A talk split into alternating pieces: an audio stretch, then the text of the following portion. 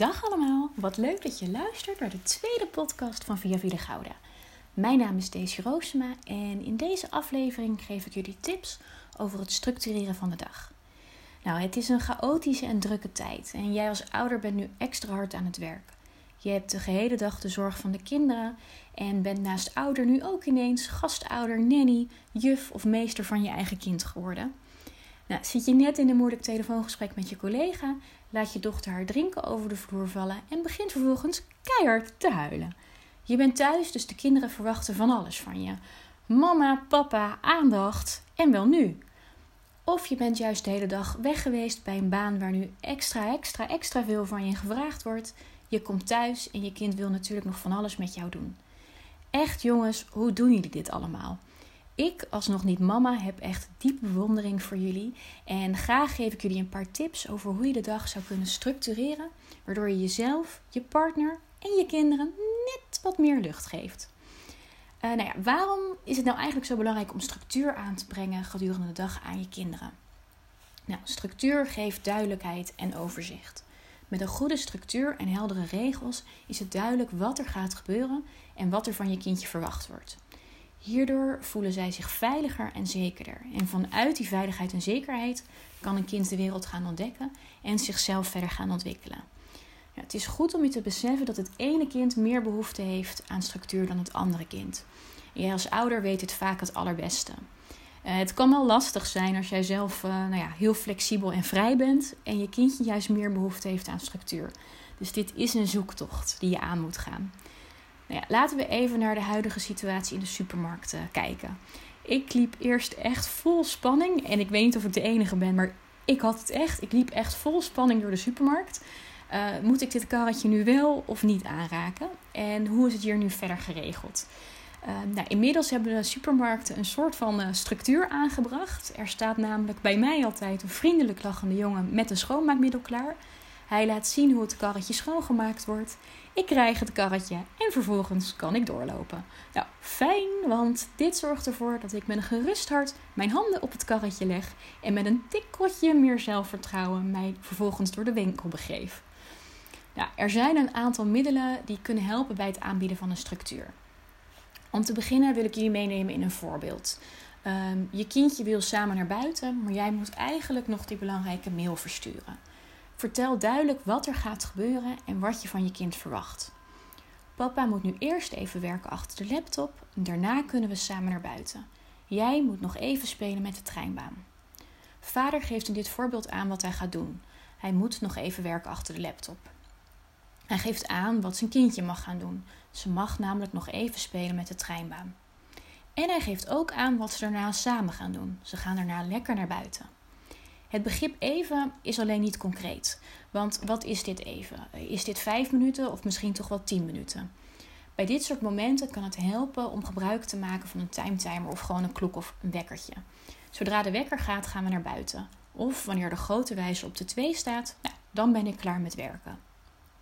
Ja, op de opvang uh, gebruiken heel veel gastouders leuke dagritmekaart of picto's. Dit zijn kaarten waarop activiteiten staan afgebeeld, zoals bijvoorbeeld fruit eten of slapen. Nou, gedurende de dag kan je deze kaarten erbij pakken om te laten zien wat er allemaal nog gaat gebeuren. Op deze manier weet jouw kindje wat hij vandaag allemaal gaat doen en wat er van hem of haar verwacht wordt. Het kan leuk zijn uh, om een foto van elk gezinslid uit te printen en deze te gebruiken. Bij de foto van Nora hangt in het voorbeeld bijvoorbeeld een foto van een treinbaan en bij de foto van papa hangt een foto van de laptop.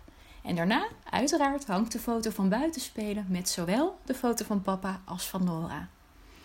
Oké, okay, ehm, ander voorbeeld. Ken je dat? Je hebt net heel je huis opgeruimd.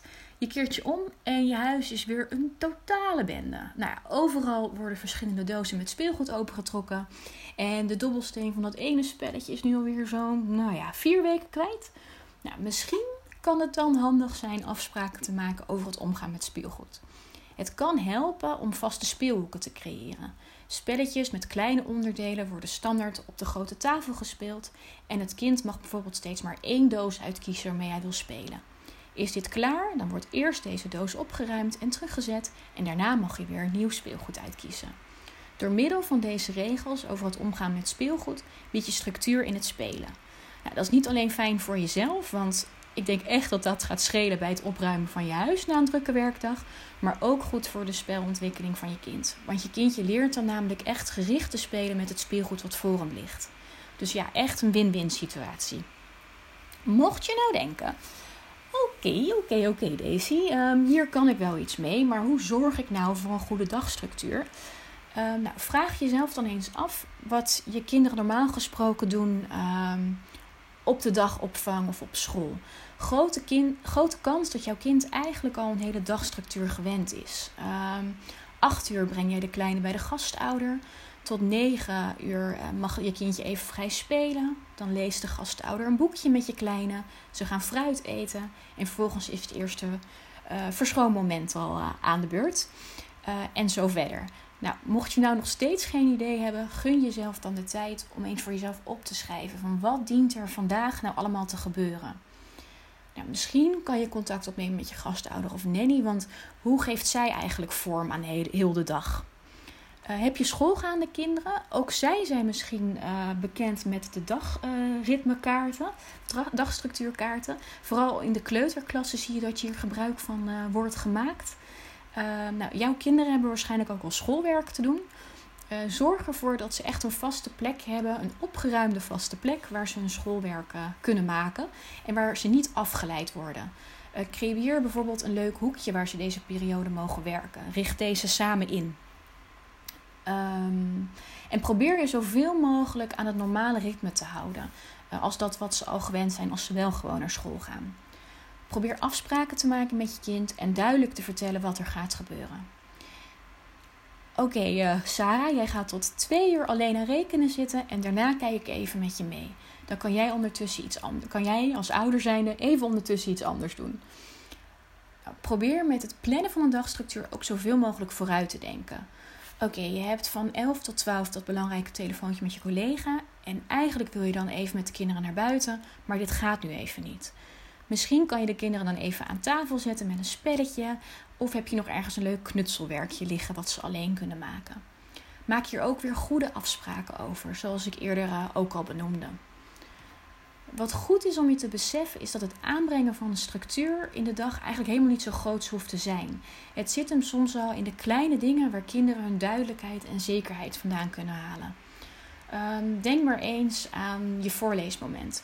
Wanneer houd je deze? Is dit standaard volgens uh, slapen gaan s'avonds? Of doe je het juist uh, s'avonds na het eetmoment? Oké, en waar doe je dit dan? Doe je dit nog aan de eettafel, in bed of misschien op de bank? Uh, mogen de kinderen altijd zelf een boekje uitkiezen of kies jij deze uit? gaan jullie elke zaterdag naar de bibliotheek? Hoe ziet dat eruit?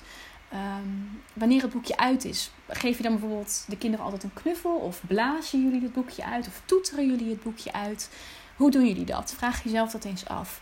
Uh, want eigenlijk, als je dat soort dingetjes elke keer een beetje doet, heb je de activiteit al gestructureerd.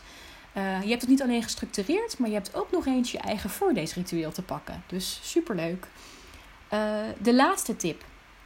En misschien wel de allerbelangrijkste. Nee, correctie, ik denk de allerbelangrijkste. Uh, geef aan je kind ook terug wat hij of zij allemaal goed heeft gedaan. Hoe klein ook. Wauw, je hebt de dieren allemaal in de doos gedaan.